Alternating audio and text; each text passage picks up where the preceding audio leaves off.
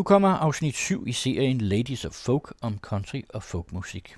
I dag handler det om Gud og djævlen og om, hvordan de to herrer gennem tiden er blevet besunget i country-sange.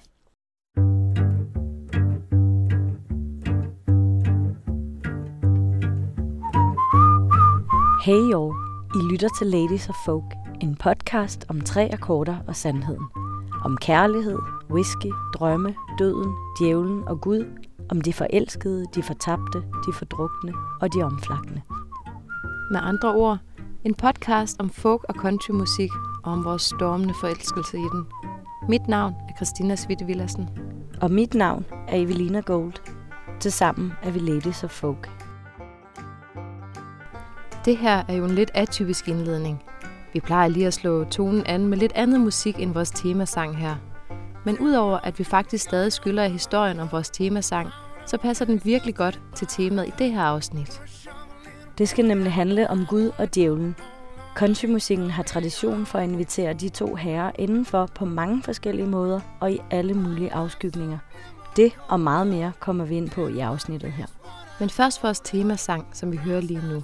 Den hedder In Hell I'll Be in Good Company, og er skrevet og sunget af det fire mands store kanadiske band The Dead South. Nogle af deres egen beskrivelser af deres musik er food stomping folk bluegrass, eller dark grass, eller punk rock with bluegrass instruments. Det ved det faktisk ikke helt selv. Men uanset hvad, laver de fantastisk musik, og de er også skide søde. Vi interviewede dem på Tønder Festival i 2018, hvor vi nok var ret meget mere op at køre over at møde bandet bag vores temasang, end de var over at finde ud af, at deres sang bliver brugt som et fast indslag i en dansk podcast om folk- og countrymusik. Altså ikke sådan, at de var sure eller noget. De hypede bare knap så meget over det, som vi gjorde. anyway, lad os lige tage omkvædet til In Hell I'll Be in Good Company. I see my redhead, masked red, tear shed, cream beam a squeeze. The stage smells, tells, hells, bells, misspells, knocks me on my knees. It didn't hurt, flirt, blood squirt, stop shirt like me on a tree. After I count down three rounds and hell, I'll be in good company. Udover at sangen handler om helvede, så kan den måske bedst beskrives sådan som bandets fløjtende cellist, ja, sådan bliver Danny Kenyon beskrevet på deres hjemmeside, forklarede det, da vi interviewede dem. Uh, so basically, what the song is about is a guy whose wife uh, cheats on him, and he still very much is in love with his wife. Um, so what he does is he kills his wife and he kills himself, and he knows that she's going to go to hell, and he knows that he's going to go to hell. So he's looking forward to going and seeing her down there. Så altså, hun er ham utro, men han elsker hende stadig, så han slår hende og derefter sig selv ihjel, for så ender de jo med at være sammen i helvede. Hun får utroskaben, og han får mordet. The Dead South kalder selv sangen for en murder ballad. Og her vil den opmærksomme lytter måske indvende, hvorfor i alverden vi ikke fortalte mere om vores temasang i afsnit 2, når det nu handlede om murder ballads. Her må vi blank erkende, at vi faktisk ikke på det tidspunkt havde nærlæst teksten, og derfor ikke havde kategoriseret den som en murder ballad. Vi var bare vilde med lyden og med musikvideoen. Og det er vi ikke enige om. Videoen er nemlig lige nu blevet set, hold nu fast, over 127 millioner gange. Den er også virkelig fed. Basically står de og spiller sangen virkelig mange forskellige steder. Med bounce i knæene og fingerknips, seler, hatte og polo ties. Den første optagelse lavede de i Toronto, og så tog de på en halvanden måned lang tur, hvor de filmede alle de steder, de kom, og sluttede sig hjemme i det sydlige Saskatchewan, hvor de bor. Mange tror, at der er brugt green screen, men de fnyser nærmest fornærmet ved tanken, fordi de har rent faktisk stået alle de steder og spillet sangen live et par hundrede gange, og blokeret trafikken og været ved at blive ramt af en truck og jagtet en storm ved hjælp af en radar på mobiltelefonen for at få nogle skud med fede skyer og regnbuer i kassen. You get the point. I skal gå ind og se den. Videoen aside, så spurgte vi The Dead South, hvorfor de generelt synger så meget om djævlen. Og til det svarede Nathaniel Hiltz og Scott Pringle. What is it about the devil? I don't know. A lot of our songs are tragic. There's a lot of tragedies, and I would say maybe like a lot of the stories in, in the songs too. People make uh, maybe don't make the best decisions, and those decisions can often be influenced by what people would call the devil, and so maybe that is the reason why it makes an appearance. and it just sounds good. Det der med, at djævlen får en til at gøre forkerte ting, det kommer vi tilbage til. Men ja, vi er ret enige med Nathaniel i, at der bare er noget fedt over sange med djævlen. Men det er svært at tale om herren i dybet, uden også at tale om herren i det høje. Og i folk- og countrymusik har både djævlen og Gud altid spillet en stor rolle.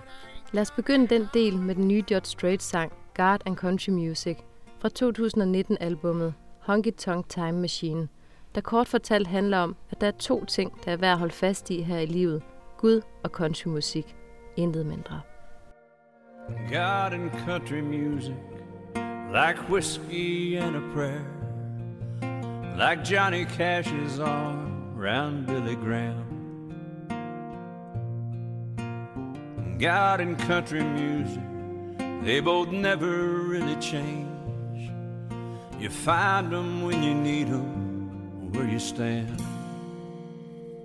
There's always lost in the found darkness in the eye saw the light.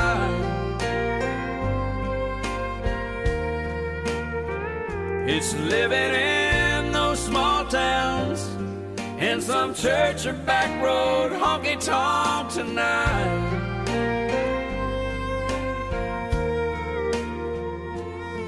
It's a dance between the sin and the salvation. Come hell or high water, there's two things still worth saving God country music. God and country music. Hovedpointen er ikke så satans kompliceret, men ikke desto mindre vigtig. Både den tilgivende Gud og den ærlige countrymusik fortæller den enkle sandhed, at livet er både og, både lys og mørke, både kirken og barn, en dans mellem synd og frelse. Alt det kommer vi mere ind på senere. Men inden vi graver os ned i, hvorfor både Gud og djævlen fylder så meget i countrymusik, så skal vi lige indskyde, at vi har bedt vores ven Anders Kring, som er en hej til data, koder og statistikker, og som tidligere har hjulpet os med at underbygge tesen om, at der altså er mere druk i countrysangen end i andre musikgenre, til at undersøge, hvem der vinder. Gud eller djævlen. Eller i hvert fald, hvem der bliver sunget mest om i country- og folksangen. Det resultat vender vi tilbage til. Først får I lidt mere statistik. I Danmark er 74,7 procent af befolkningen medlemmer af Folkekirken. På den måde kan man sige, at der næsten er lige så mange kristne herhjemme som i USA. 75 procent af USA's befolkning oplyste nemlig en Gallup-undersøgelse fra 2015, at de definerede sig selv som troende kristne, mens omkring 62 procent oplyste, at de var medlemmer af en menighed. Men mange færre praktiserer deres religion, i hvert fald offentligt i Danmark. I dag skyndes det, at et sted mellem 2 og 4 procent af danskerne deltager i en ugenlig gudstjeneste. I USA viser Gallup-undersøgelser fra 2017, at 38 procent af amerikanerne går i kirke hver eller næsten hver uge. Og ser man mere specifikt på sydstaterne, hvor man også finder mange countrylyttere, så viste en Gallup-undersøgelse fra 2014 i hvert fald, at Mississippi, Alabama og Louisiana lå på anden, tredje og fjerde pladsen i forhold til, hvor ofte borgerne der går i kirke. Utah var dog nummer et. Helt grundlæggende fylder Gud simpelthen meget i USA, også i det offentlige rum, hvor 41 procent af alle amerikanere altså ofte deltager i arrangementer i deres kirke eller i deres menighed. Vi har begge rejst en del i USA, både sammen og hver for sig, og man opdager ret hurtigt, at Gud er mere tydelig der, end vi er vant til. Der ligger altid en bibel i skuffen på motellet, der er bumper stickers på bilerne med sætninger som Jesus is alive, og der er kæmpe store billboards med lovprisninger ved motorvejene. Vi får tit en God bless you med på vejen, når vi taler med søde amerikanske damer. På Facebook opfordrer vores amerikanske venner ofte omgangskredsen til at bede for en familie, der bliver ramt af sygdom eller dødsfald. Og det berømte sydstatsudtryk, God bless her heart, kan alt efter subtile forskelle i stemmeføring betød alt muligt fra giv det må gå hende vel til fuck hende.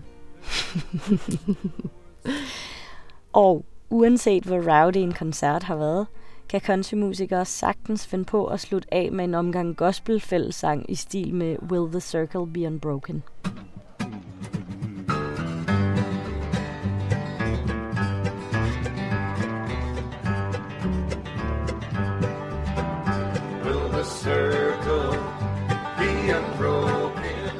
Den version, vi hører nu, er jo et fra filmen The Broken Circle Breakdown fra 2013, som er den film nogensinde, jeg har grædt mest til. Jeg græd i bussen hjem fra biografen, jeg græd, da jeg kiggede på min sovende datter, og jeg græd næste morgen, da jeg vågnede. Til mit forsvar skal det siges, at jeg var gravid med min datter nummer to, så måske der også var nogle hormoner, der spillede ind der. Måske skulle vi have haft den med i øh, grædeafsnittet. Men anyway, det var et mindre sidespor. Ja, for selvom troen er allesteds nærværende i Guds eget land, så er der stor forskel på i hvor høj grad, og ikke mindst hvordan, Gud og djævlen er til stede i countrymusikkens forskellige forgreninger og beslægtede genrer. Hvis vi for eksempel tager bluegrass, som før det overhovedet blev til bluegrass, var folkemusik, som blev blandet og formet i Appalachian Mountains, og så var med til at forme countrymusikken, og siden er fortsat som sin egen beslægtede genre. I bluegrass, der synger man oftere og med større selvfølgelighed gamle lovsange, salmer og hymner. Eller gospel, som jo også havde stor indflydelse på countrymusikken.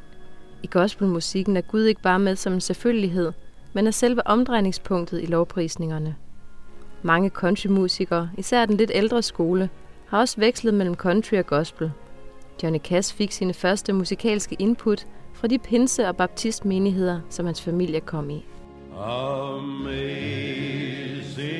grace, how sweet the sound that saved a wretch like me.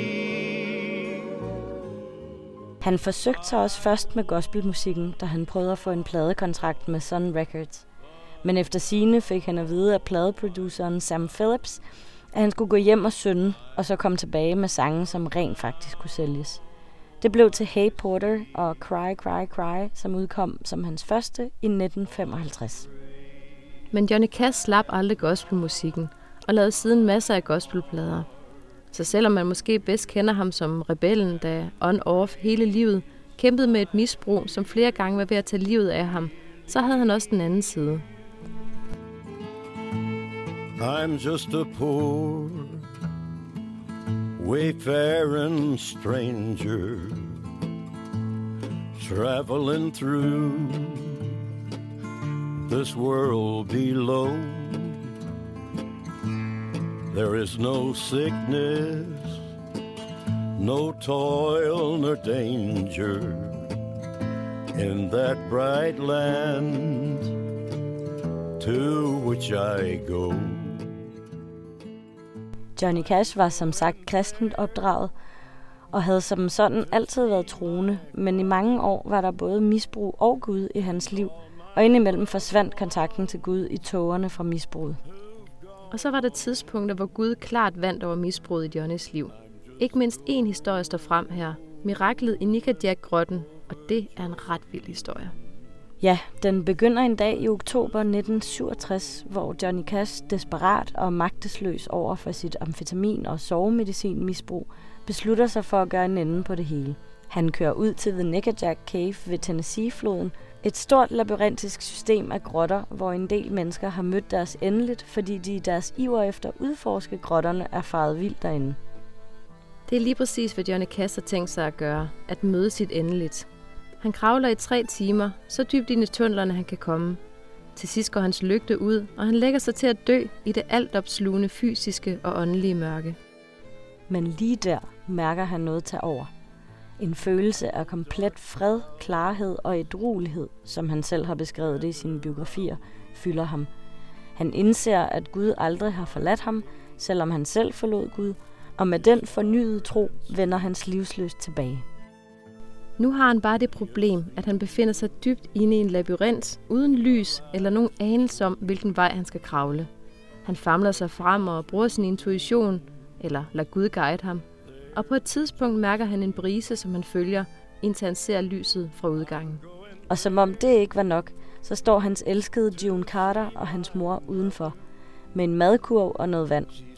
De har mærket, at der var noget helt galt, og lavet Gud lede dem hen til ham. Det er i hvert fald en af historierne om Johnny Cash og Gud.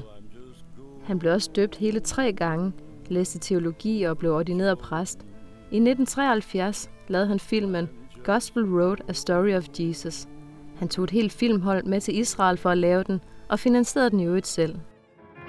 Matthew, Mark, and Luke and John told about Jesus on that gospel highway. Det meste af filmens lydside er Johnnys karakteristiske stemme, der fortæller historien om Jesus, blandet med Johnny Cash, der synger. Og som et andet fun fact er det June Carter Cash, der spiller rollen som Maria Magdalene. Så han mente det der med Gud ret alvorligt. Okay, nu røg vi igen ud på et tidsspor. Jeg røg faktisk så langt ud på det sidespor, at jeg ihærdigt forsøgte at finde ud af, om den Thomas Leventhal, der spiller Judas i Johnny Casses film, tilfældigvis skulle være far til produceren og musikeren John Leventhal, som Johnny Casses datter Roseanne Cass er gift med. For det kunne da være endnu en sjov lille detalje. Jeg er stadig lidt ærgerlig over, at det ikke lykkes, så hvis nogen ved det, så skriv endelig til os. Og så undrer vi os nogle gange over, at det tager så lang tid at lave et afsnit til den her podcast. Wonder why. Okay, tilbage på sporet. God and Country Music.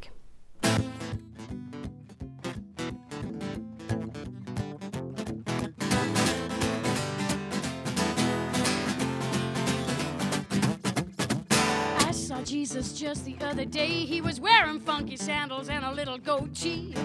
Dreads that he had just died back. All in all, he was looking pretty slick. Som sagt har Gud været en fast del af countrymusikken siden dengang med bluegrass og gospel. Og som sagt er der stadig forskel på, i hvor høj grad Gud er med. Der er for eksempel en helt undergenre, der hedder kristen country, med egne radiostationer og den slags. Og så er der den nye mainstream country. Ja, og kritiske stemmer begræder, at nutidens mainstream countrymusikere har smidt alle de gode kristne dyder over bord til fordel for hævngærige ekskærester, twerkende, denimklædte numser og one-night stands. Men det handler vist om ørerne, der lytter, og ikke mindst tolker, for de nævner stadig gerne The Good Lord. Anyway, de to undergenre springer vi over i denne omgang. Vi er jo, som I nok allerede har fået fat i, mere interesseret i den countrymusik, der går under navnene Alternative Country og Amerikaner, og som bliver spillet på de mindre radiostationer og heldigvis til masser af koncerter. Og her er Gud stadig med, mere eller mindre eksplicit. Det har vi fået os en snak med en præst om. Men inden vi præsenterer ham, så skal vi lige have en fantastisk sang inden for temaet Three Wooden Crosses med Randy Travis fra 2002. A farmer and a teacher, a hooker and a preacher, riding on a midnight bus bound for Mexico. One was headed for vacation, one for higher education, and two of them were searching for lost souls. That driver never ever saw the stop sign. And 18 wheelers can't stop on a dime. There are three wooden crosses on the right side of the highway. Why there's not four of them, heaven only knows. I guess it's not what you take when you leave this world behind you. It's what you leave behind you when you go. Det her er countryens svar på en nytestamentlig lignelse. En farmer, en skolelærer, en prostitueret og en prædikant mødes ombord på en natbus til Mexico. Men de når aldrig frem, for bussen får ulykker, og nu står der tre kors ude i siden af motorvejen. Hvorfor der kun er tre og ikke fire kors, ved kun Gud. Måske handler det ikke om det, man tager med sig, når man forlader denne verden, men om det, man efterlader sig, lyder omkvædet. Vi får historien om alt det gode og al den kærlighed, som farmeren, læreren og prædikanten hver især efterlod sig. Det sidste prædikanten gjorde, var for eksempel at lægge sin blodplettede bibel i den prostitueredes hånd. Om den prostituerede er der til gengæld ikke rigtig noget at sige, altså lige indtil sangen tager en drejning af bibelske dimensioner. Det viser sig nemlig, at den prostituerede var den eneste af de fire, der overlevede, og at hun senere blev mor til den præst, der fortalte hele historien til sin menighed sidste søndag i kirken, mens han viste dem den blodplettede bibel, som hans mor beholdt og læste højt fra, da han var barn. story that our preacher told last Sunday as he held that bloodstained Bible up for all of us to see. He said, Bless the farmer and the teacher and the preacher who Gave this Bible to my mama, who read it to me. There are three wooden crosses on the right side of the highway. Why there's not four of them, now I guess we know. It's not what you Altså, selvom jeg hverken tror på Gud eller er medlem af Folkekirken, så kan jeg ved Gud sætte pris på en god fortælling. Og den her sang, den har fået mig til at græde rigtig mange gange. Jeg både tror på en eller anden Gud og er medlem af Folkekirken, også begynder at græde, når jeg hører salmer, fordi jeg er meget foranledet i alt det nørderi, vi laver her, og så begynder at lytte ind i salmeteksterne. Men lige med den her sang, så løb tårerne også ned ad mine kinder, da jeg for første gang hørte den i en sofa i Valby for nogle uger siden. Og apropos Valby, så lad os bare vende snuden mod Danmark, fordi her har vi nemlig som sagt fået os en god snak med en dansk præst om country, Gud og djævlen. Can I get a hallelujah?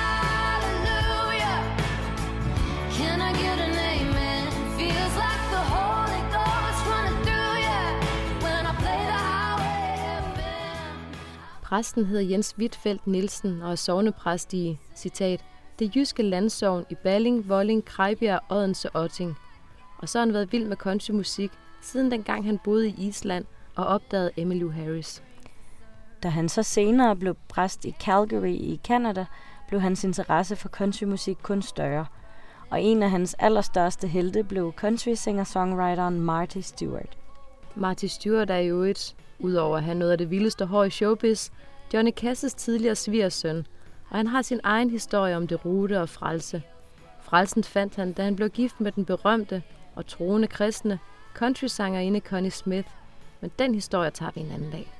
Jens Wittfeldt Nielsen er en virkelig cool præst, synes vi. Han spiller selv musik og drømmer om at få mere country ind i folkekirken. Ikke fordi han vil erstatte traditionel dansk kirkemusik med country. Han synes bare, det kunne være godt med noget god country og southern gospel som et alternativ indimellem. For at svare på spørgsmålet om, hvorfor Gud og djævlen fylder så relativt meget i countrymusikken i dag, peger Jens Wittfeldt Nielsen også på countryens gospelrødder. Og så holder han meget af den opbyggelighed, som countrymusik kan tilbyde. Den klare opdeling i rigtigt og forkert, som man måske kan savne i en moderne, værdirelativiseret kultur som vores. Noget af det, jeg synes, der er så velgørende ved, ved countrymusik. I det hele taget i gospelmusikken, der er det jo så umiddelbart, at der er overhovedet ingen tvivl. Øh, den der enkelte øh, opdeling, den der øh, fuldstændig klare fokusering på, at, at vi er udsat for påvirkning fra større magter end os selv, en, en god og en ond magt, og øh, det gode ved at være et kristen menneske, det er så, at vores tro bliver altid bestyrket på, at den gode magt er den stærkeste i tilværelsen, og den øh, opdeling, den måde at give det kristne verdensbillede på, den er så umiddelbar og øh, går lige i øh, blodet, når, man, når, man, når den bliver fremsat på amerikansk country, synes jeg tit. Og det trænger vi lidt til i vores sådan lidt, øh, lidt forplumrede og relativiserede kultur her, nutidskultur. Og så er vi tilbage ved noget, som vi bliver ved med at kredse om ved countrymusikken. At man i den genre synger om det, som livet handler om. Både i det store og i det små, på godt og på ondt, råt for usødet. Når Gud og djævlen er en del af livet, uanset om man tror på dem bogstaveligt eller ej, så synger man om dem og om kampen mellem det gode og det onde. Country er jo langt hen ad vejen realisme, en spejling af hverdagslivet, også når det handler om tro og værdier. Eller som countrymusikeren Mark Willis har formuleret det, In everyday-based music with real people, it will involve faith in God. So know you weary with the troubles in life. You take your heartache with a glass of wine. Are you haunted by the ghost you know? Pay 'em off with kindness, the debt you owe.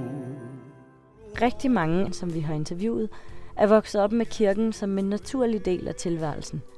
William Princes far var præst, Parker Millsap voksede op i Pinsekirken, The Secret Sisters lærte at synge deres vidunderlige harmonier i kirken, Paul Cordens farfar, oldefar og tipoldefar var præster, og han selv sang i kirkekor som barn. Well, this is my gospel.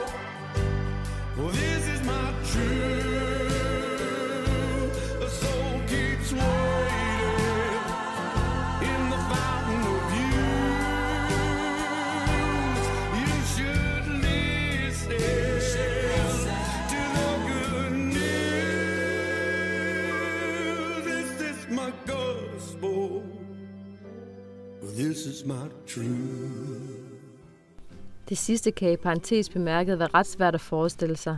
Paul Corden, det er ham vi hører lige nu, med sangen My Gospel fra hans album med samme titel fra 2016, er en af de mest rowdy dudes, vi har mødt. Men det siger måske netop noget om, at det med den kristne tro og outlaw-attitude ikke nødvendigvis er modsætninger. Da vi interviewede Paul Corden på Tønder Festival i 2018, talte vi en del om religion, og han sagde blandt andet sådan her. Well, I was raised in a religious background. Um, I haven't been to church in a very long time, but uh, I believe that all religions, you know, have beauty within them. Men han ville ønske, at folk havde den samme tilgang til religion, som de har til amerikansk fodbold, uanset om de holder med Dallas Cowboys, New York Yankees eller nogle helt andre. Altså som noget, der gør folk glade, men ikke giver dem en trang til at dømme eller pege fingre. Paul Corden bryder sig ikke om fanatisme og dobbeltmoral, men arven efter sin bedstefar, særligt den musikalske, har han taget med sig. Den sidder dybt i ham og i hans musik. Well, my grandfather taught me everything I know about music. I mean, he uh, he taught me how to sing, and he taught me how to be a showman and to sing to the back of the crowd, and just certain things I learned at a young age. Well, unlike my granddad and his father and his father and his father, uh, I'm not a preacher, but I have my chance to preach, I guess, or give out my sermon during my songs. So it's my message to the world. So that's my opportunity to actually have a voice. I guess my religion is just music and peace and harmony and those types of things. Han smækker fødderne i de mudrede kopperstøvler op, drikker whisky af flasken og banner værre end de værste sømænd, men bruger samtidig ord som preach og sermon, altså gudstjeneste, om den måde, han leverer sit musikalske budskab på. Musikken er hans forkyndelse om fred, håb og kærlighed. Og nu trænger vi vist til en rigtig vækkelsesprædikant.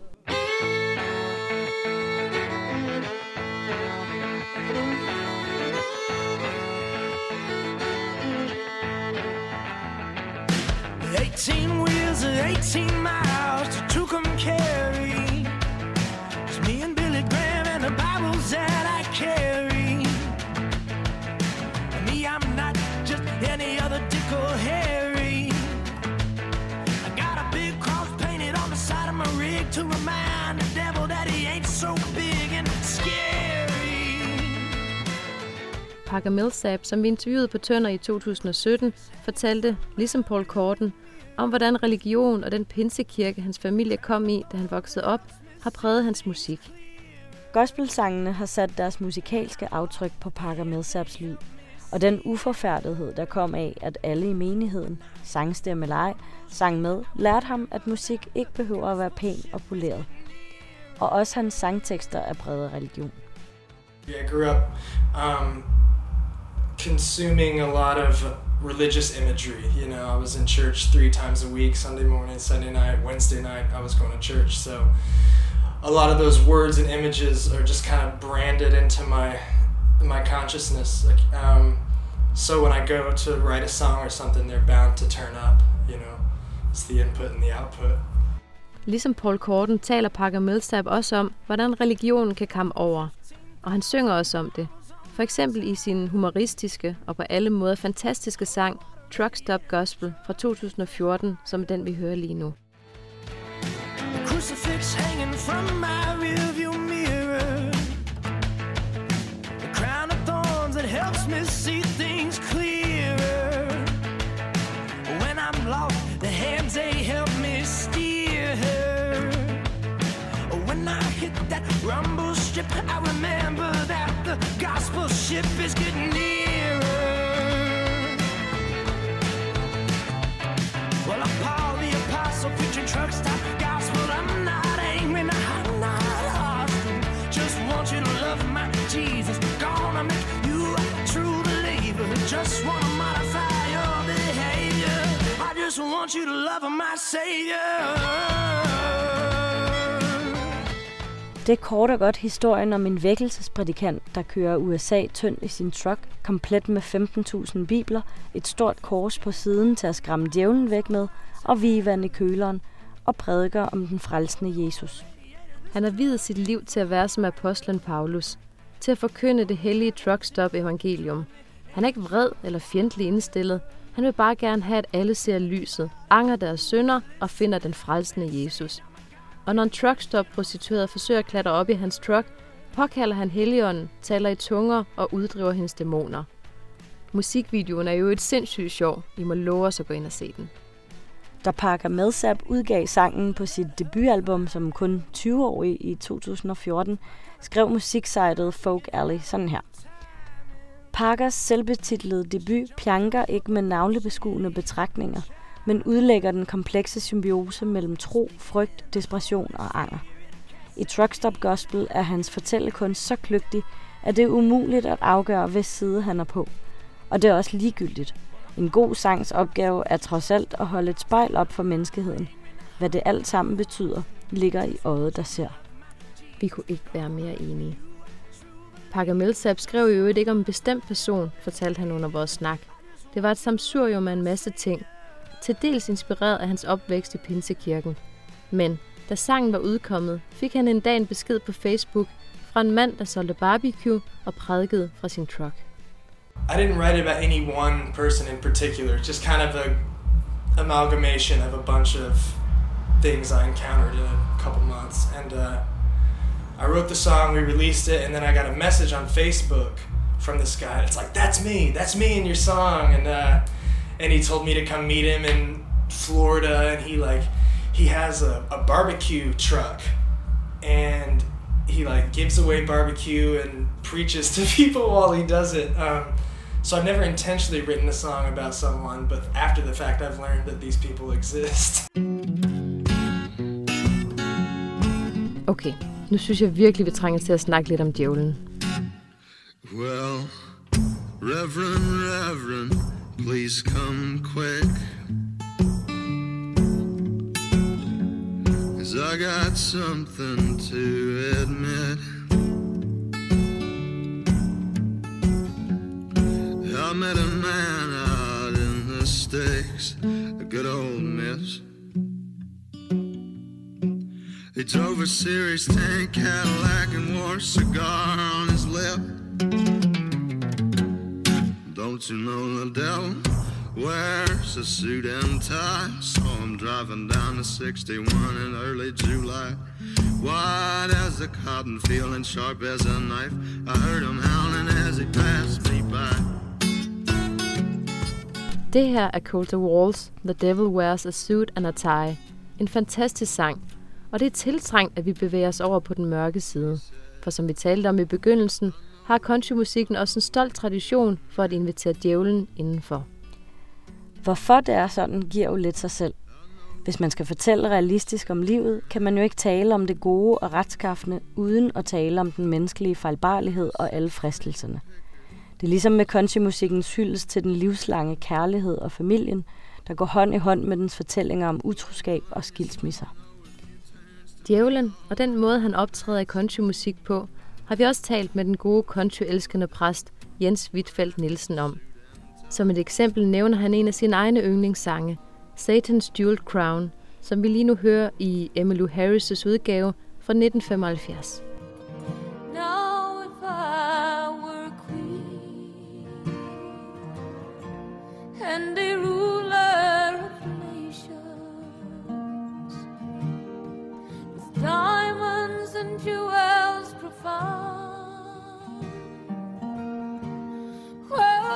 rather know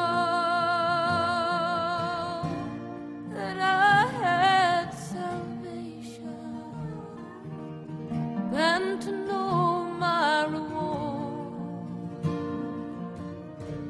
would be Satan's jewel Jens Wittfeldt Nielsen kalder sangen en djævlesjæler, og han kan godt lide, at den peger på en syndsbevidsthed, som han mener er tiltrængt. hvis altså syndsbevidstheden bliver brugt rigtigt, så det ikke kommer til at lugte alt for meget af svovl og helvedes flammer. Det er igen den der forkætrede syndsbevidsthed, som er blevet skilt så meget ud, og den er sikkert også blevet fremmanet for meget af, af dårlige øh, svogprædikanter i kirkehistoriens tid med, med mindre værtskomplekser, som de skulle lade gå ud over deres medmennesker. Men i virkeligheden er det jo et budskab om, at ja, vi giver dig ret, du er, du er en forbandet sønder, men så kom dog herover og mærk den fantastiske glæde ved at blive restitueret som menneske. Det, det er igen sådan en symbiose, det er igen sådan en, en, en øh, konstruktiv og byggelig symbiose, kan man sige. Så altså, vi mennesker er fejlbarlige, og det er okay at være fejlbarlig. Og bliver man bevidst om, at man er det, så er man allerede godt på vej til at blive et mere helt menneske. I fortællingen om den fejlbarlighed, også på countryvers, er Gud og djævlen, det gode og det onde, marker en konstruktiv og byggelig symbiose, siger han. Jeg er vild med udtrykket konstruktiv og byggelig symbiose. Og nu hvor vi har hørt Emmylou Harris med Satan's Jewel Crown, så skal det siges, at det ikke oprindeligt er hendes sang. Det er en Louvin Brothers sang, og dem kommer man ikke udenom, når det handler om sangen og levet liv, hvor både Gud og djævlen er til stede. En af de mest ikoniske sange med det tema er nemlig deres Satan is Real fra 1958.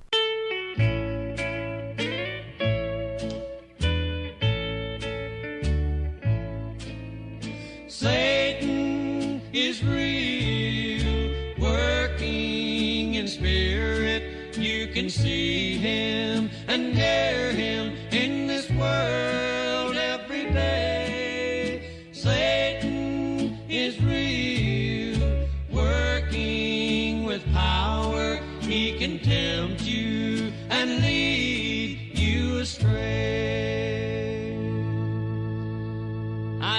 service at a little church in the country not long ago. A prayer was led by an old country preacher who then raised his hands as everyone stood and sang, My God is real. Sangen handler grundlæggende om, at Satan er lige så virkelig som Gud. Fortælleren gengiver en gudstjeneste i en lille landsbykirke. Midt i lovprisningerne, hvor kirkegængerne synger My God is real, rejser en lille krumrykket mand sig op og siger til præsten, han skal fortælle de tilstedeværende, at Satan is real too. Preacher, tell them that Satan is real too. Det ved den gamle mand nemlig en hel del om. En gang var han lykkelig og respekteret, men så kom Satan ind i hans liv. Han blev selvisk og uvenlig, hans venner vendte sig væk fra ham, hans familie gik i opløsning, og hans børn valgte syndens vej. Så jo jo, han benægter ikke Guds storhed. Han vil bare gerne have, at præsten understreger for alle de syndere, der også er til stede, at helvede er et virkeligt sted med evige pinsler. Sådan, så fik vi det på plads.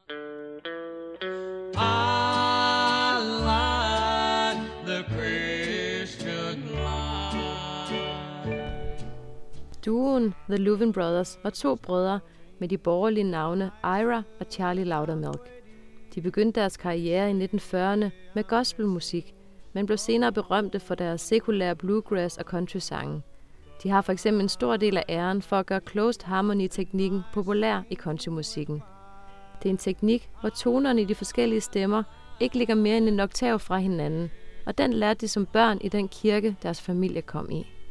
Historien om Louvin Brothers er også en historie om to drenge fra en ludfattig bomuldsplukkerfamilie fra Alabama, og drengenes kamp for at opfylde en livslang drøm, der til sidst førte dem til selveste Grand Ole Opry.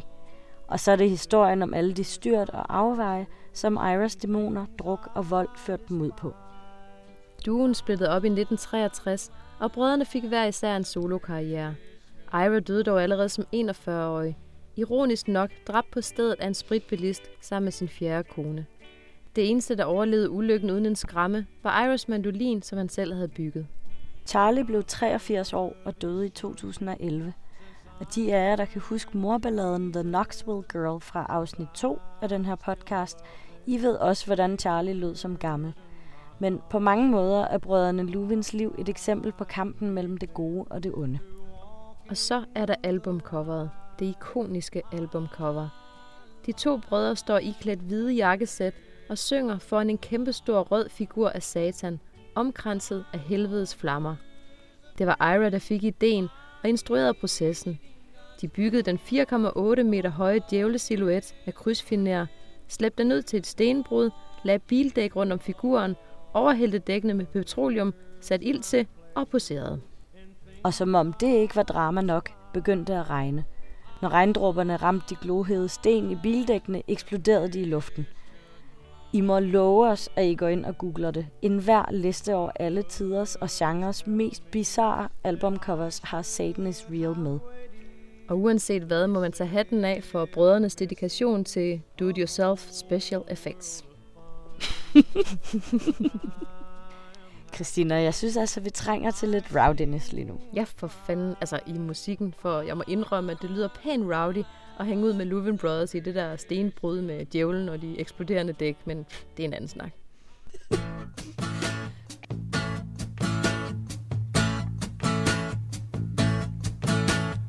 Way down in Virginia, amongst a tall grown sugar cane, lived a simple man and a Dominica hen and a rose of a different name. Når man taler om djævlen i country- og folksangen, er der en ret central pointe, der skal med. Nemlig, at djævlen langt fra altid er en abstrakt bibelsk størrelse. Nogle gange er han i stedet en inkarnation af hovedpersonernes erkendelse af de forkerte valg, de har truffet, eller fristelser, de ikke kunne stå for. Og der er en helt underkategori af The Devil Made Me Do It-sangen, hvor djævlen får lukket hovedpersonen i fordav på mere eller mindre humoristiske måder. Sangen, som vi hører nu, er Billy Joe Shavers Black Rose, som nogle gange også har titlen The Devil Made Me Do It The First Time, og som først udkom i 1973. Senere samme år indspillede Waylon Jennings sangen på sit legendariske album Honky Tonk Heroes, som på nær en sang netop bestod af sange skrevet af Billy Joe Shaver. I det hele taget er Billy Joe Shaver en af outlaw countryens mest centrale figurer og fortjener meget, meget mere anerkendelse, end han har fået. Hans crazy og tragiske livshistorie er et helt kapitel for sig, og det må I have til gode. Men her får han i hvert fald lov til at synge sin egen udgave af Black Rose om en kvinde, der, citat, gjorde ham til en ægte texaner. Brug jeres fantasi. citat slut. Og det var naturligvis djævlen, der drev ham i hendes favn, i hvert fald første gang. Yeah, the devil made me do it the first time. The second time I done it on my own. The Lord put a handle on that simple-headed man. Helped me leave that black road alone. Den høne, han nævner i starten, The Dominican hen, er i øvrigt ikke en hvilken som helst høne. Det er et eksemplar af rasen dominikaner, og linjen er en tribute til den høne, der engang vandt en omgang meget, meget nervepirrende chicken shit bingo for ham. Men det er også et ret syret sidespor, så tilbage til djævlen. Okay, vi har en tilståelse. Selvom vi selvfølgelig ikke sådan i ramme alvor støtter op om uhæmmet druk, lovovertrædelser, en meget lidt monogan livsstil, gambling og indtagelse af ulovlige substanser, god no, så er djævlen i countrysang altså tit en noget sjovere fyr at hænge ud med, end den der hellige Jesus, der bare går rundt og frelser. I hvert fald sådan overordnet set. Jesus har heldigvis også sine mere rowdy sider, men øh, dem vender vi frygteligt tilbage til. Men hvis vi lige tager djævelens forser, så har han en satans god humoristisk sans. Tilsat veludviklet kvindetække, der gør, at han nedlægger damer på stribe. Både de uskyldige, naive ungmøer og dem, der keder sig eller bare er til bad boys. Og så er djævlen ligesom os fuldstændig vild med musik. Faktisk i så høj grad, at han går og planter magiske musikinstrumenter rundt omkring, som bare venter på at blive fundet af rette ejermand. Som for eksempel i den her vidunderlige Guy Clark sang The Guitar. Well, I was passing by a pawn shop in an older part of town. Something caught my eye, and I stopped and turned around. I stepped inside, and there I spied in the middle of it all was a beat up old guitar hanging on the wall. Da fortælleren går ind i en pantelånerbutik for at prøve at spille en gammel ramponeret guitar, som han af uansagelige årsager føler sig draget af, spiller den nærmest af sig selv. Det er som om gitaren tager over, og da han endelig er færdig med at spille, ryster hans hænder, og han er skræmt fra vid og sans. Den gamle pandelåner siger, hvor i helvede har du været? Jeg har ventet på dig i overvis, og forærer ham gitaren gratis. Og da pandelåneren pakker gitaren ned i den støvede guitarkasse, opdager fortælleren, at det er hans eget navn, der står på låget. Then he took down an old dusty case and said, Go on, pack it up. You don't owe me nothing. And then he said, Good luck. There was something spooky in his voice and something strange on his face. And when he shut the lid, I saw my name was on the case. Udover djævelens enorme kærlighed til musik, har han et andet, temmelig uimodståeligt karaktertræk. Han går aldrig af vejen for en lille konkurrence. Den nok mest udbredte underkategori af country-sange med djævlen er The Deal with the Devil. Det er sangen, hvor djævlen udfordrer hovedpersonen til en form for duel, en styrkeprøve. Og det kan handle om mange ting. For eksempel hvem der kan drikke mest, eller hvem der spiller den ondeste guitar eller violin. Og hvis djævlen vinder, får han deres sjæl. Vinder de, så får de en belønning. Nogle gange må de selv bestemme, hvad belønningen skal være. Horatio Lee Jenkins, der kan prale sangtitler som It's Okay to be Gay og I Like to Get Drunk and Ride My Horse on Christmas Day, har også skrevet Drunker Than Satan. I den taber djævlen mod al forventning en drukdyst. Ikke at hovedpersonen nogensinde var i tvivl om, hvorvidt han kunne vinde bevares. Men det kom nok lidt bag på djævlen, der allerede inden han er igennem shot nummer 19, er så døddrukken, at han ligger og kaster op på gulvet. Faktisk gik det galt allerede på det fjerde glas tequila, hvor The Prince of Darkness begynder at kaste fordømte sjæle op. So now than Satan with all of his violence and hating. You think you could outdrink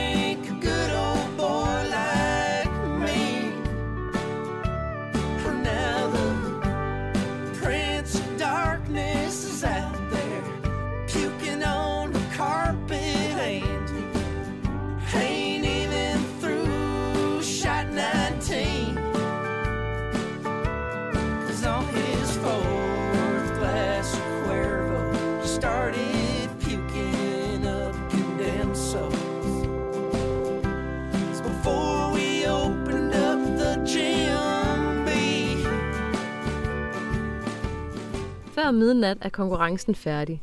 Djævlen er gået ud som et lys på gulvet ude på herretoilettet, og hans menneskelige rival kan indkassere sin belønning. Flere øl. For som han siger, natten er jo ung. Men den helt store klassiker inden for de forskellige Deal with the Devil-variationer er, at djævlen foreslår en pagt. For prisen af en musikers sjæl tilbyder han magiske musikalske evner. Det er et tema, der går langt tilbage i folkeeventyr og myter, og her skylder vi en stor tak til YouTube-kanalen Polyphonic, som laver video-essays om alle mulige lidt skæve musikrelaterede emner. De har lavet en fremragende historisk gennemgang af de pakter, som kunstnere og musikere har indgået med djævlen i århundreder. For eksempel opsøgte djævlen den italienske musiker og violinist Giuseppe Tartini, der levede fra 1692 til 1770 i en drøm. I drømmen gav Tartini djævlen en violin, og djævlen spillede den smukkeste sonate, Tartini nogensinde havde hørt.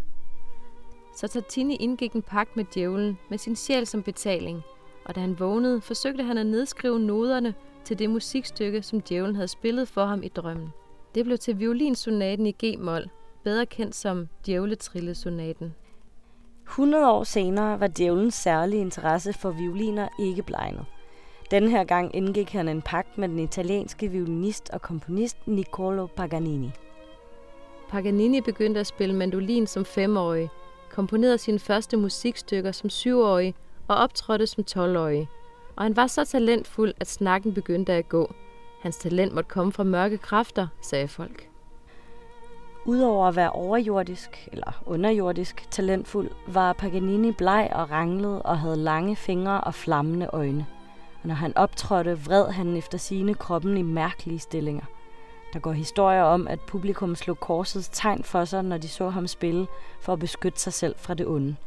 Eller at han fortsatte med at spille fuldstændig fejlfrit, selv når nogle af violinstrengene var sprunget. Paganini døde som 54-årig, og det sidste han gjorde, var at sende præsten, der var kommet for at give ham den sidste olie, væk. I mange øjne var det det endegyldige bevis på, at Paganini havde indgået en pagt med Satan.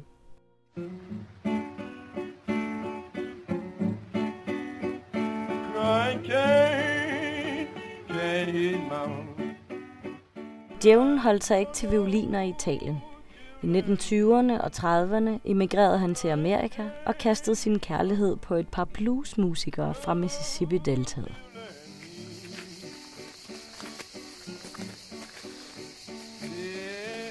Tommy Johnson, der var kendt for sin sælsomme jodlen, gik ifølge legenden ud til The Crossroad, den lokale korsvej eller vejkryds, lige før midnat og gav sig til at spille guitar, indtil en stor sort mand kom hen til ham, tog hans guitar og stemte den. Efter den nat kunne Tommy Johnson pludselig spille som ingen anden.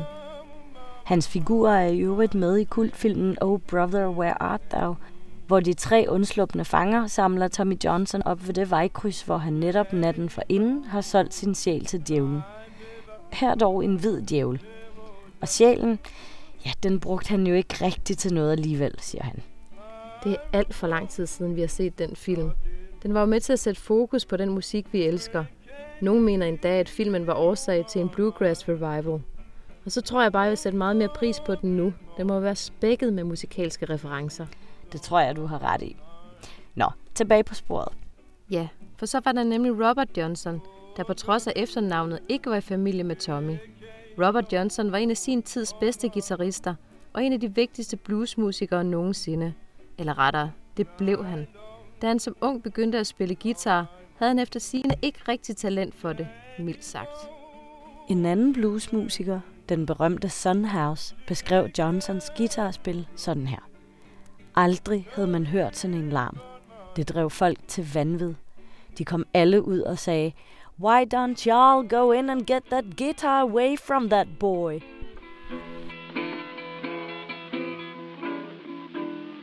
I got to keep moving. I got to keep moving. En dag forlod Robert Johnson sin hjemby, og da han kom tilbage, var han som forvandlet. Nu var han i besiddelse af helt utrolige guitarfærdigheder. Hans fingre fløj umærkeligt rundt på guitarhalsen, mens han holdt en perfekt konstant rytme. Det siges, at da Keith Richard hørte en Robert Johnson-plade første gang, troede han, at det var to guitarister, der spillede samtidig. Rygterne begyndte at svire. Robert Johnson havde også solgt sin sjæl til djævlen ved midnat ved en korsvej, sagde folk. Og det er måske ikke så svært at tro på. Udover sit vilde guitarspil har han skrevet sange, der ret direkte handler om hans forhold til djævlen. Eksempelvis i sangen Hellhound on My Trail, som vi hører lige nu. Den handler om en omflagtende vagabond og bluesmusiker, som vandrer restløst, fordi helvedes hunde følger efter ham. Nogle peger endda på en slags Johnson-djævle-trilogi med sangen Crossroad Blues, hvor han sælger sin sjæl, Hellhound on My Trail, og så Me and the Devil Blues, som begynder med, at djævlen banker på Johnsons dør en tidlig morgen og siger, at det er tid til at tage afsted. Early this morning, when you knocked upon my door.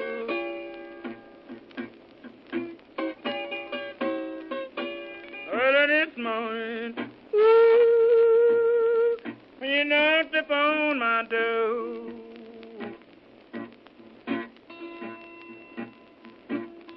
And I said, hello, Satan, I believe it's time to go.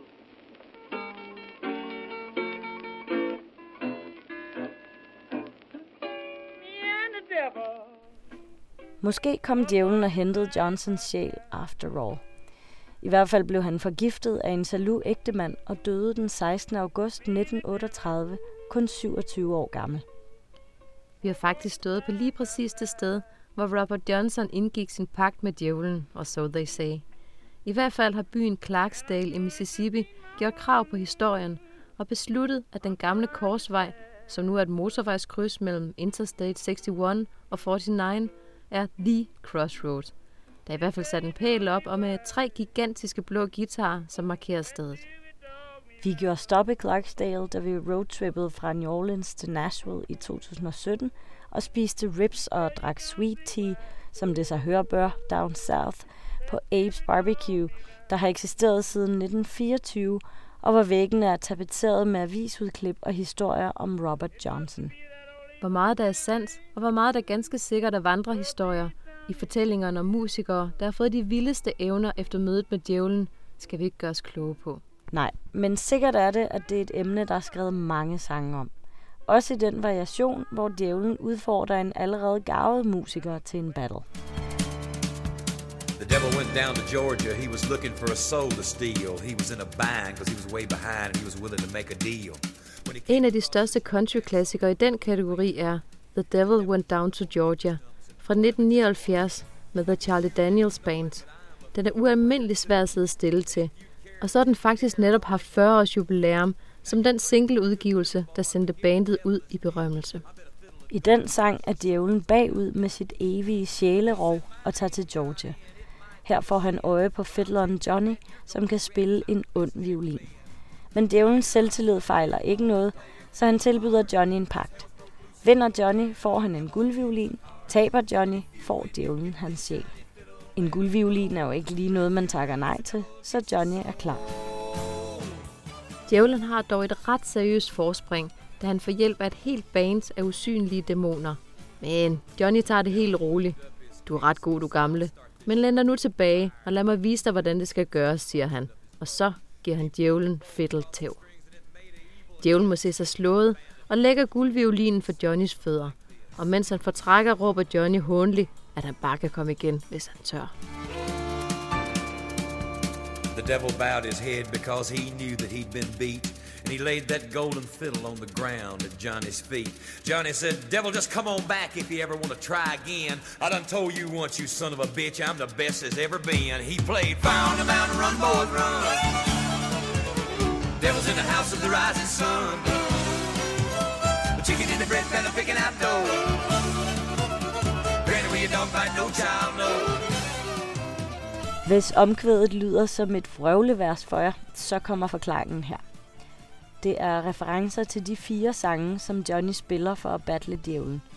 To af dem, Fire on the Mountain og Granny Will Your Dog Bite, er traditionelle sange fra Appalachia. Sætningen Chicken in the bread pan picking out dough er en ramse fra en unavngiven square dance melodi. Og så er der den traditionelle sydstatsfolksang The House of the Rising Sun. Og ja, det er rigtigt. The House of the Rising Sun er meget ældre end The Animals berømte version fra 1964. The Devil Went Down to Georgia var også akkompagnement til en legendarisk scene i filmen Coyote Ugly fra 2000 med countrypop-sangerinden Leanne Rimes i hovedrollen. Dengang havde vi to ikke mødt hinanden endnu. Og vi anede heller ikke, hvem Leanne Rimes var. Men Coyote Ugly blev med det samme vores begges guilty pleasure. Og vi elskede begge to The Devil Went Down to Georgia-scenen, hvor de meget smukke piger, der arbejder på Coyote Ugly, som er en ret rowdy bar, danser på baren, iført nogle forsvindende små toppe, cowboystøvler og perfekt hår. Der er ikke meget politisk korrekthed over det. Nej, og det var der heller ikke, da jeg inspireret af filmen dansede på en meget stor bar i Østrig. Det var vist mest alt bare pinligt, men baren var bare så bred og helt perfekt til at danse på. altså, jeg ville helt sikkert have joinet det dengang. Men faktisk havde vi jo chancen, da vi i 2017 var i USA sammen. Coyote Ugly er nemlig blevet til en super taggy kædebar. Og her må vi krybe til korset. Vi forvildede os ind af to omgange i en blanding af ungdomsnostalgi og tequila. En gang i Memphis og en gang i Nashville. Der var sådan en lidt afdanket stemning.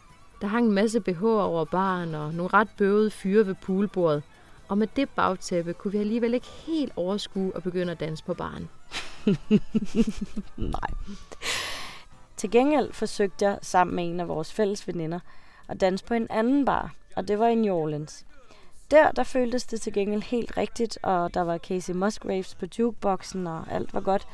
Men bartenderen satte meget hurtigt en stopper for det. Han kunne nemlig ikke løbe den risiko, at vi drættede ned og brækkede noget, og så sagsøgte ham bagefter, sagde han. Nå, men før det her bliver rigtig pinligt, så synes jeg, vi skal gå tilbage til djævlen. Ja, det er nok bedst øh, og for sent at stoppe, før det bliver pinligt. Men lad det nu ligge. Nu vi er ved den lettere ironiske distance til djævlen, hvor han bliver sat ind i en sjov fortælling snarere end en indre kamp, så er der også en del sange, der gør det samme med Gud og med Jesus, altså laver lidt sjov med dem. It was raining, it was cold.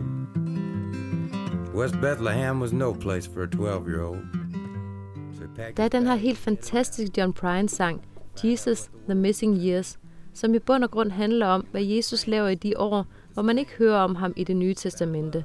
Fra han er 12 til han bliver 29. De såkaldte Unknown Years of Jesus, som også kaldes hans Silent Years, Lost Years eller Missing Years. Ifølge John Prine er Jesus en ret fremmelig teenager, der bestemt ikke ligger på den lade side. Som 12-årig rejser han ud på en dannelsesrejse. Først tager han rundt i Frankrig og Spanien, finder kærlighed og smerte, opdager butikker og begynder at shoppe. Men han har ingen penge, så han kommer på kant med politiet. Og det er noget rod for sådan en hjemløs israelsk knægt. Så han klipper sit hår og flytter til Rom, hvor han møder sin irske kone. De lejer en lejlighed on the Lower East Side, hvor der er en masse musikbranchefolk, bogbindere, bibelbæltere, swimmingpools, orgier og en masse kønne italienske chicks. Og så på sin 13-års fødselsdag. On his 13th birthday, he saw a rebel without a cause. He went straight on home and invented Santa Claus, who gave him a gift. He responded in kind. He gave the gift of love and went out of his mind. You see, uh, him and the wife wasn't getting along. So he took out his guitar and he wrote a song called The Dove of Love Fell Off the Perch. Couldn't get divorced in the Catholic Church. At least not back then, anyhow. Jesus was a good guy. He didn't need this shit.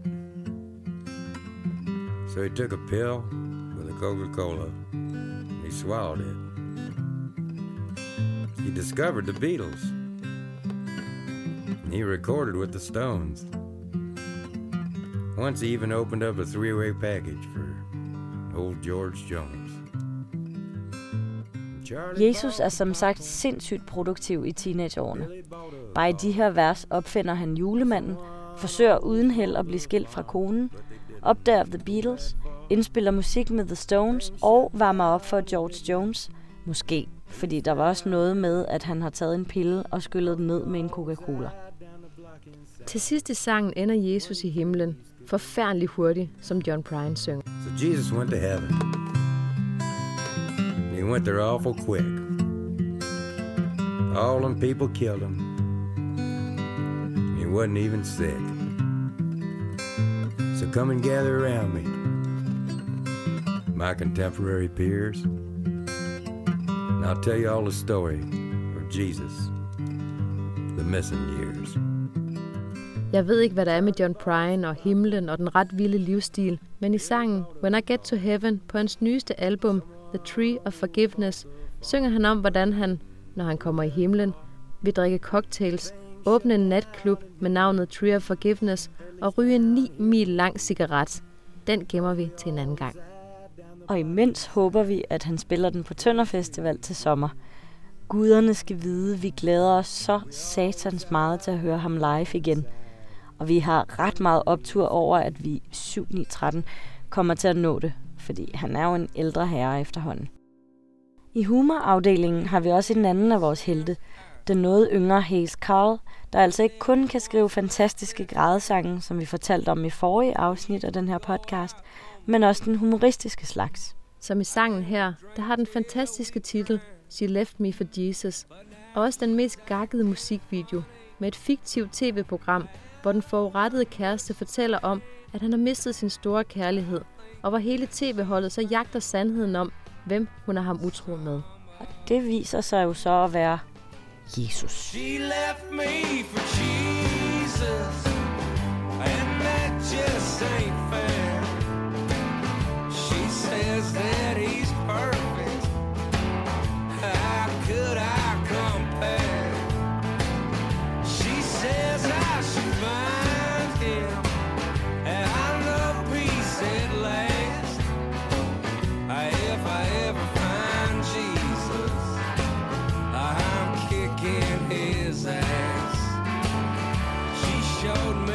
picture.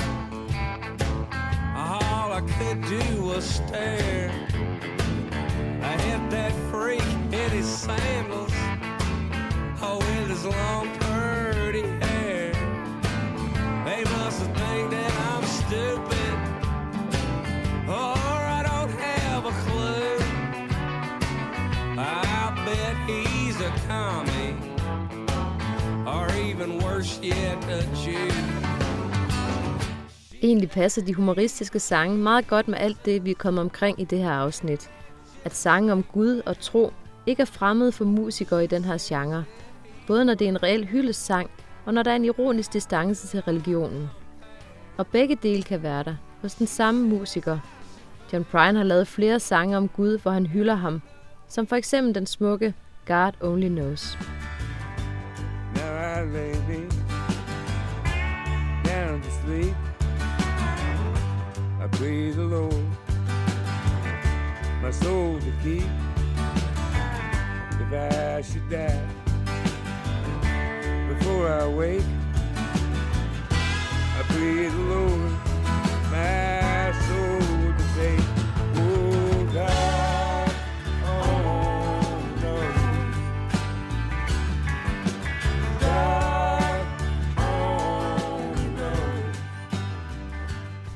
Og Hayes Carl bruger også med samme selvfølgelighed religiøse referencer som en naturlig del af livet i sin hjertegribende sang Jesus and Elvis.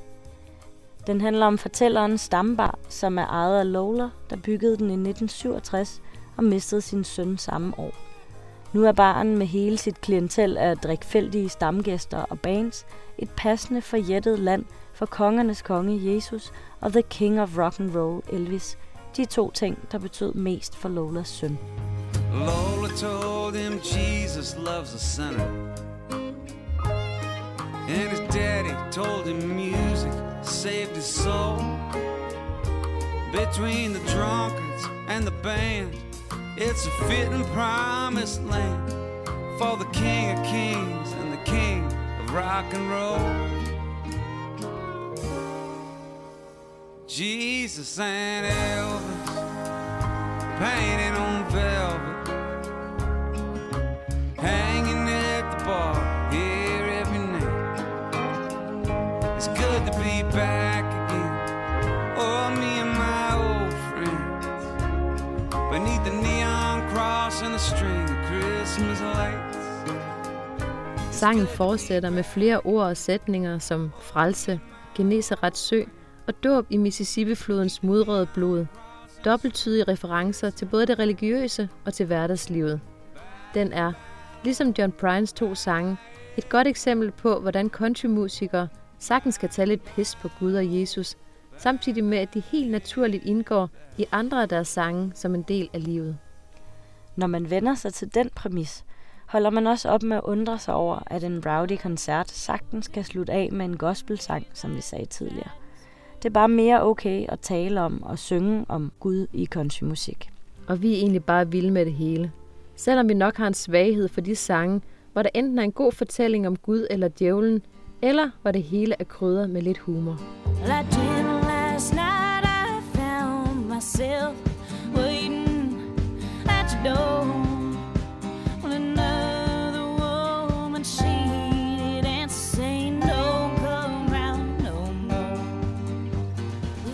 Næsten ved at være nået til vejs ende i det her afsnit. Men inden vi slutter, og så alligevel aldrig slutter helt, fordi vi lige skal spille lidt ekstra musik og lige nørde en lille sidehistorie eller to, så mangler vi at få afklaret en vigtig detalje om Gud og djævlen, nemlig hvem der vandt. Altså i konkurrencen om, hvem der optræder i flest sange, som vi fortalte om i begyndelsen. Anders Kring har brugt sitet Kærkel. Det er en database, som man kan trække alverdens statistikker ud fra. Vi har ikke helt styr på, hvordan sangene rent teknisk ender i databasen. Men det er i hvert fald et datasæt, der er fundet ud fra søgning på sangtekster. Og med i det datasæt er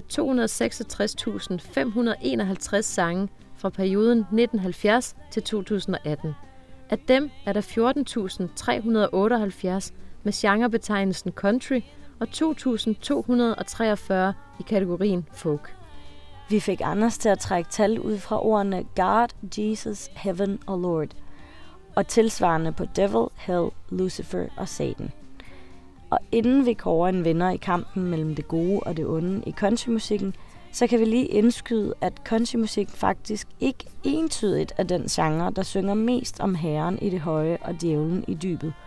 I hvert fald, når man kun søger efter ord og ikke ser på, hvordan de bliver brugt. Det er måske ikke så overraskende, at metal er den genre, hvor der ofte bliver sagt eller råbt Satan og Lucifer. Mere overraskende er det måske, at hiphop vinder, når det kommer til brugen af ordene Hell, Devil, Jesus og God. Men samtidig må vi også blank erkende, at vi simpelthen ikke ved nok om hiphop til at vide, om det reelt er bemærkelsesværdigt eller ej. Til gengæld ved vi noget om country og folk. Og her er der også et par vennerord at finde. Country er nemlig ifølge det her datasæt den genre, hvor man ofte synger ordene Heaven og Lord. Og så har vi jo faktisk allerede svaret på, hvem der vinder. Det gør Gud. Overlænt. By far. Han banker djævlen tilbage til helvedes forgård.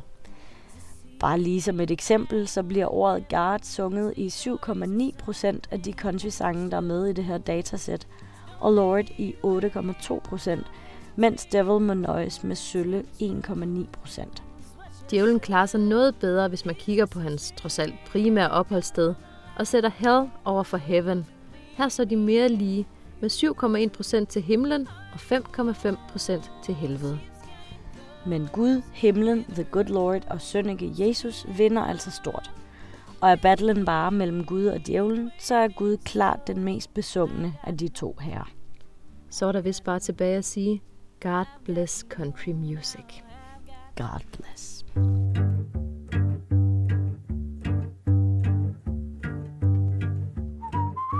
Det var næsten alt for i dag. Tak til jer, der lyttede. Hvis I har kommentarer, spørgsmål eller emner, vi skal tage op, så tøv ikke med at skrive til os på ladiesoffolk Og følg os endelig på vores Facebook-side Ladies of Folk, en podcast om folk og countrymusik. Udover at reklamere for nye afsnit, så deler vi alt mulig bonusinfo derinde. Og hvis I kan lide det, vi laver, så bliver vi utrolig glade, hvis I fortæller andre om det. Hvis I vil høre mere af musikken fra det her afsnit, har vi som altid lavet en playliste til jer. Gå ind på Spotify og find listen Ladies of Folk, God and the Devil.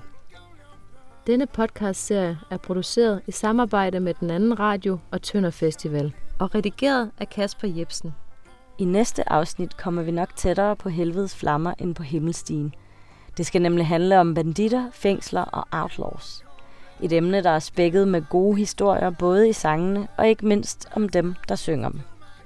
Lige fra Graham Parsons brændte lig i den kaliforniske nationalpark Joshua Tree, til dengang Billy Joe Shaver skød en mand på en bar i Texas, til Judge Jones, der fik taget sine bilnøgler, fordi han drak for meget, men løste problemet ved at køre til den nærmeste liquor store på sin John Deere plæneklipper. For slet ikke at tale om Merle Haggard, der som 20-årig nærmest havde brugt halvdelen af sit liv bag trammer. Hans liv er et helt outlaw-kapitel for sig. Vi kommer ind på, hvem er alle heltene, der som Merle Haggard har været i fængsel, og hvem der bare har opført sig umanerligt dumt. Men også på alle de ting, som det reelt handler om, når der går druk, stoffer og bad choices i den. Altså sådan noget som anger, skyld, misforståelser, venskaber og svigt. Nå ja, så har vi også selv en ret, lad os bare kalde den mærkværdig fascination af fængsler. For blandt andet har vi sammen tilbragt store dele af en måned i et meget berygtet fængsel i Bolivia. Og den historie får I måske også i næste afsnit. Nå, nogen skal jo have det sidste musikalske ord, og også denne gang bliver det en af vores helt store helte. Den 26-årige country folk bluegrass singer-songwriter Tyler Childress. Han er oprindeligt fra Øst Kentucky og har The High Lonesome Sound fra Appalachian Mountains i blodet. Det er sange om sydstatslaster som skrå tobak, moonshine og sjove piller. Men også om den eksistentielle dans med tab, hjertesorg, kærlighed, forløsning og frelse. Han er i den grad our kind of guy. I 2011 udgav Tyler Childers debutalbummet Bottles and Bibles, og i 2017 kom hans gennembrudsalbum Purgatory, som er produceret af en anden af vores helt store alternative country-helte, Sturgill Simpson. Særligt Purgatory slog benene helt væk under os fra allerførste anslag. Og det gjorde de tre live-koncerter, vi indtil videre har været til os. Og vi glæder os helt usigeligt til at høre ham igen på årets Tønder Festival. På Tønder sidste år interviewede vi ham om blandt andet hans Purgatory. Altså om den skærsild, som årene mellem hans ungdom og hans tidlige voksenliv har været for ham. Med alle pendulsvingningerne mellem det rigtige og det forkerte, mellem fortvivlelsen og forløsningen, mellem synden og frelsen, mellem djævlen og Gud. Purgatory er en fortælling om fristelser, afveje, tvivl og en søgen efter den store frelsende kærlighed, som han til syvende og sidst fandt hos sin kone Senora May. Albumets sidste track, Lady May, er en kærlighedserklæring til hende. Og lige inden den sang, kommer den uforglemmelige Universal Sound. Det er en af de sange nogensinde, der har haft størst effekt på mig. Jeg kan nærmest fysisk mærke den der neurologiske lykkeeksplosion i min hjerne, hver gang jeg hører den. Universal Sound was uh, just a reflection that uh, I had written about. It's like finding a center and uh, you know slowing down and, and being contemplative. For mig handler den om at opsøge den eksistentielle ensomhed og nulstilling, der nogle gange skal til for at finde tilbage til det grundlæggende. Lyden af universet, sådan som det nu engang lyder for os hver især. Eller til det, som nogen vil betegne som det guddommelige. I Universal Sound sidder Gud på en barstol og ser lidt havet ud, uden at det piller noget af storheden af ham, og nynner til den universelle tones neonlys på smukkeste vis. Hør bare her.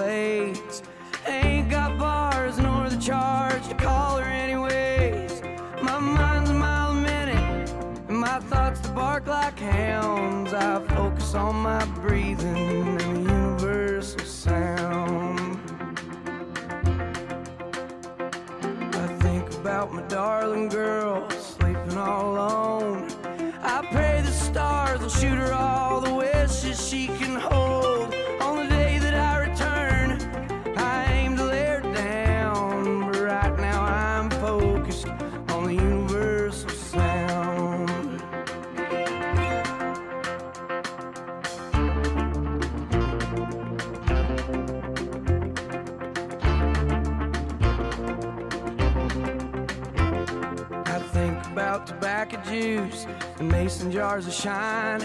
I think about the vices I've let take me over time. I recall when I was a baby, I didn't need